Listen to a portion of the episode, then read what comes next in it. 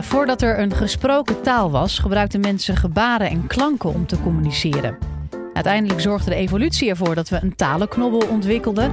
En de eerste taal die werd gesproken moet volgens wetenschappers ongeveer zo hebben geklonken. Kuna Puti Mana. In deze podcast vertelt professor Abram de Zwaan of alle talen afstammen van deze taal en wat er in het huidige talenstelsel eigenlijk nog is overgebleven van deze oertaal.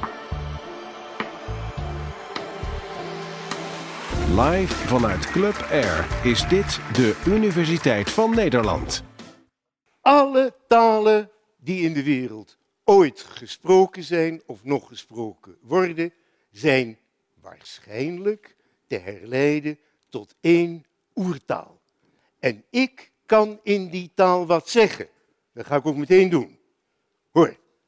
Kuna, Puti, Mana, Kunga, Kama, Malikwa, Mena, Mano. Maar wacht nog even. Mana. Ik ga nog niet zeggen wat dat betekent. Ik ga eerst iets meer vertellen over hoe ze tot die oertaal zijn gekomen. Nou, moet je weten dat al vele eeuwen geleden taalkundigen ontdekt hebben dat er verbanden zijn tussen de verschillende talen in Europa, opvallende gelijkenissen. En al in de 16e eeuw hadden sommige taalkundigen door dat er ook tussen het Sanskriet, dat in India ooit gesproken werd, en de Europese talen een verband en gelijkenissen, opvallende gelijkenissen bestonden. En zo kwam men in de 18e eeuw tot het idee van een Indo-Europese taalfamilie. En die werd onder andere door Russische taalgeleerden nog uitgebreid. Dan krijg je de Nostratische en de Eurasiatische taalfamilies. En daar hield de grote vertakking opeens op. Want dat er een samenhang zou zijn tussen die Eurasiatische talen en bijvoorbeeld wat er in Afrika werd uitgestoten, of wat die Amerikaanse Indianen brabbelden, of mensen in het oerwoud van Nieuw-Guinea, dat was voor de 19e eeuwse mens moeilijk te geloven. Nou moet je realiseren dat in die Indo-Europese taalfamilie zitten al allerlei subgroepen. Je hebt de Slavische talen en je hebt de Romaanse talen en je hebt de Germaanse talen en de Keltische talen. En het Nederlands is weer een takje van het West-Germaans, van het Germaans. En je hebt in Azië heb je de, de Indo-Iraanse talen, dus het Perzisch en al die uh, Indiaanse talen die verwant zijn met het Hindi. En het Nederlands hoort natuurlijk tot die West-Germaanse subgroep van de Germaanse talen. Ondertussen waren er duizenden taalkundigen, allerlei van die kleine buiten-Europese taaltjes, heel aandachtig aan het bestuderen. En eigenlijk was het zo dat je had een taalkundige en die had zijn taaltje, daar moest een ander van afblijven. Daar wist hij alles van en hij was er onder andere van overtuigd dat dat taaltje op bijna niks geen andere taal leek. Toen kwam er iemand, Joseph H. Greenberg, een buitengewoon gedurfde man, en die had het lef om zich bezig te gaan houden met Amerindiaanse talen. En die kwam op een gegeven moment tot de conclusie dat eigenlijk al die honderden inheemse talen die op het westelijk halfrond gesproken werden, dat die allemaal samenhingen, dat die in een soort tijgen en twijgen en takken, bomen, een soort gigantische stamboom vormden. Daar had hij ook een methode voor bedacht. Hij zei, je hebt van die begrippen die eigenlijk universeel zijn en constant. Bijvoorbeeld het begrip jij en ik.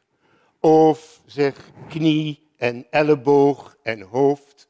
Of 1, 2, 3, 4, 5. Ik ga kijken hoe die begrippen in die verschillende talen, welke klankcombinaties, want het waren natuurlijk meest schriftloze talen, dus welke klankcombinaties voor die begrippen staan. En dan ga, ga ik kijken hoezeer die klankcombinaties van de ene taal op de andere lijken. Als ik heel veel gelijkenissen vind, dan horen dus die twee talen dicht bij elkaar. En als een grotere afstand, dan staan ze verder af. En dat staat mij toe een soort uh, stamboom van die talen te maken. Dat is natuurlijk ongelooflijk. Hij noemde dat de, lexicostatistische methode. Dat is natuurlijk veel ingewikkelder dan ik het vertel. Het is ook veel meer omstreden dan ik het vertel. Uh, het is nog steeds helemaal niet algemeen aanvaard. Maar het was wel een gedurfde gooi. En toen hij dat gedaan had, ging hij naar een ander terrein dat helemaal niet van hem was, maar van honderden linguisten. En dat was, waren de Afrikaanse talen. En daar heeft hij ook een poging gedaan om hele grote ordeningen tot stand te brengen. Uh, en toen ging hij naar Papua Nieuw-Guinea en naar de Austra Austronesische talen.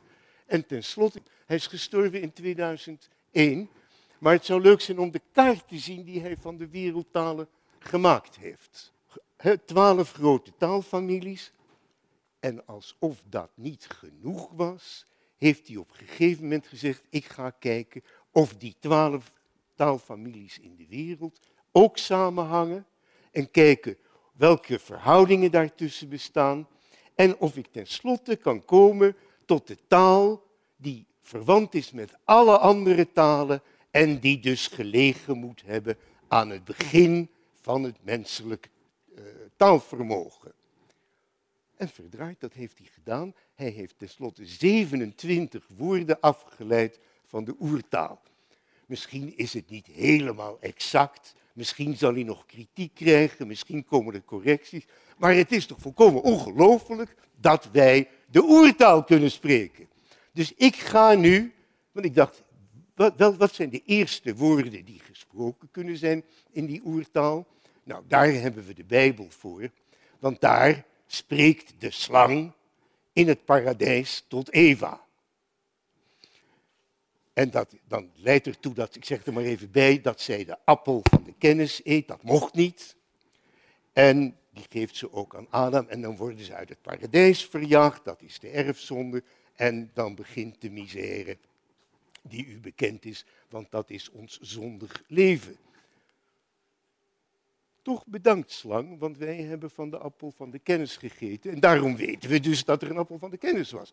Wat zei de slang in het oermens, in de oermensentaal? Hij zei kuna, puti, vrouw en meisje. En als je denkt, wacht even, puti, dat klinkt bekend. Ja, dat klopt. Dat is een verwantschap met de oertaal. Min, vroeg Eva, wat wat betekent. Mana, mana, blijf, remain, maneren. Kunga, ruiken. Kama, hou vast, die appel. Malikwa, lik eraan. Ik heb eten niet gevonden, dus ik neem even likken voor slangen, maakt dat geen verschil. He, lik aan die appel. En dan zegt hij, mena, kennis. En dan zegt hij, mano. Je man moet er ook van eten. Mano, man. Dus het is mogelijk om te spreken in de absolute oertaal, al zijn er 27 woorden. En dat is wat de slang tot Eva sprak. Maar om tot deze inzichten te komen, is een enorme wetenschappelijke inspanning gaande. En die op zichzelf is al fascinerend. Dit zijn natuurlijk volstrekt revolutionaire inzichten. We hebben al gepraat over de linguisten, maar er zijn natuurlijk de antropologen die een heel diepgaande studie doen van volkeren in de meest onherbergzame, de meest afgelegen plekken. Althans, dat deden ze tot voor kort, nu werken ze in steden. En je hebt de etno-archeologen. Vroeger werd er alleen maar uh, gegraven op het Forum Romanum of in de Amsterdamse grachtengordel. Maar nu gaan ze met hun schepjes naar hele verre gebieden, naar de savannes van Afrika en naar de oerwouden van Papua Nieuw-Guinea. En daar gaan ze kijken, bijvoorbeeld in grotten, waar ze resten van vuur vinden en zoeken naar botten en kijken dan wat voor sporen van stenen messen daarop zitten, hoe die stuk geslagen zijn. Nou, er zijn heel veel dieren stuk geslagen, maar er blijken ook verschrikkelijk veel mensen stuk geslagen te zijn rondom zo'n vuur. En zo'n vuurgrot heeft soms duizenden, soms tienduizenden jaren dienst gedaan.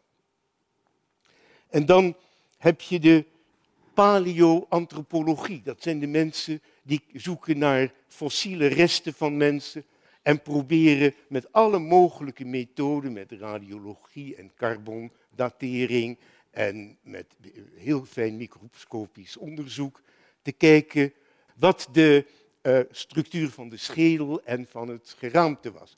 En dan kun je iets zeggen over de herseninhoud en misschien iets over het denkenvermogen. Je kunt een heel klein beetje zeggen over het strottenhoofd. Kijk, alles wat met taal te maken heeft, zijn zachte delen. Die zijn meteen weg. Tong, hersenen, grotendeels het strothoofd ook. Maar je vindt wat iets over aanhechtingen.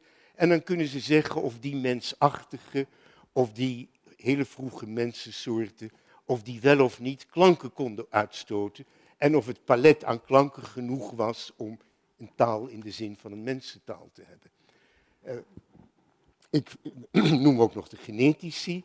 En het blijkt uit genetisch onderzoek van DNA, DNA-samples van al die verschillende volkeren, dat de talenstamboom en de genetische stamboom toch heel aardig corresponderen. En het waren natuurlijk genetici die kwamen met het idee dat alle nu levende mensen afstammen van een groepje mensen. Ze noemen haar Lucie, maar het lijkt me waarschijnlijk dat het een groepje mensen was. Eh, dus ook de eenheid van de afstamming van de menselijke soort spoort een beetje, je moet dat toch voorzichtig zeggen, met de eenheid van de mensentalen. Ik vind dat eigenlijk zo'n ja, overweldigend inzicht. Als ik nu 18 jaar was, dan ging ik meteen dat vak studeren. Maar het is geen vak. Het is een bundeling van vakken. En wat blijkt daaruit? Uit dat, die zoektocht naar de eenheid van talen en dus de eenheid van de mensheid, komt nog iets anders naar voren. De eenheid van de wetenschap. Die beta-vakken en die alpha-vakken en die gamma-vakken, die hangen eigenlijk veel meer samen dan we dachten. En door hun, samenwerking op alle mogelijke manieren wordt deze avontuurlijke zoektocht mogelijk.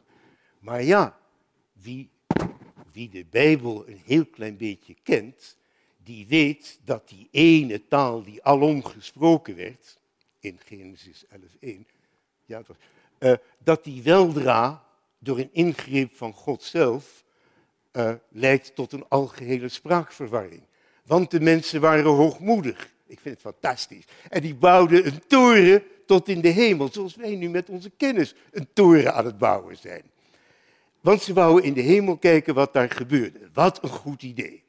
God daalt neer, is toornig en heeft wel een goede, interessante straf bedacht.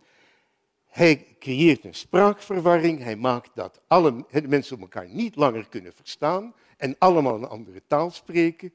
En dat is de situatie waar we het straks over gaan hebben. Maar laat ik wel vertellen, nog tot diep in de 20e eeuw, zelfs in volle oorlogstijd, zijn er protestantse kerken uiteengegaan over de vraag of de slang echt gesproken had. Dus het is iets wat de mensen enorm gefascineerd heeft.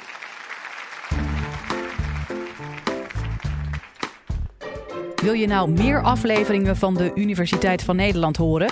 Check de hele playlist en ontdek het antwoord op vele andere vragen.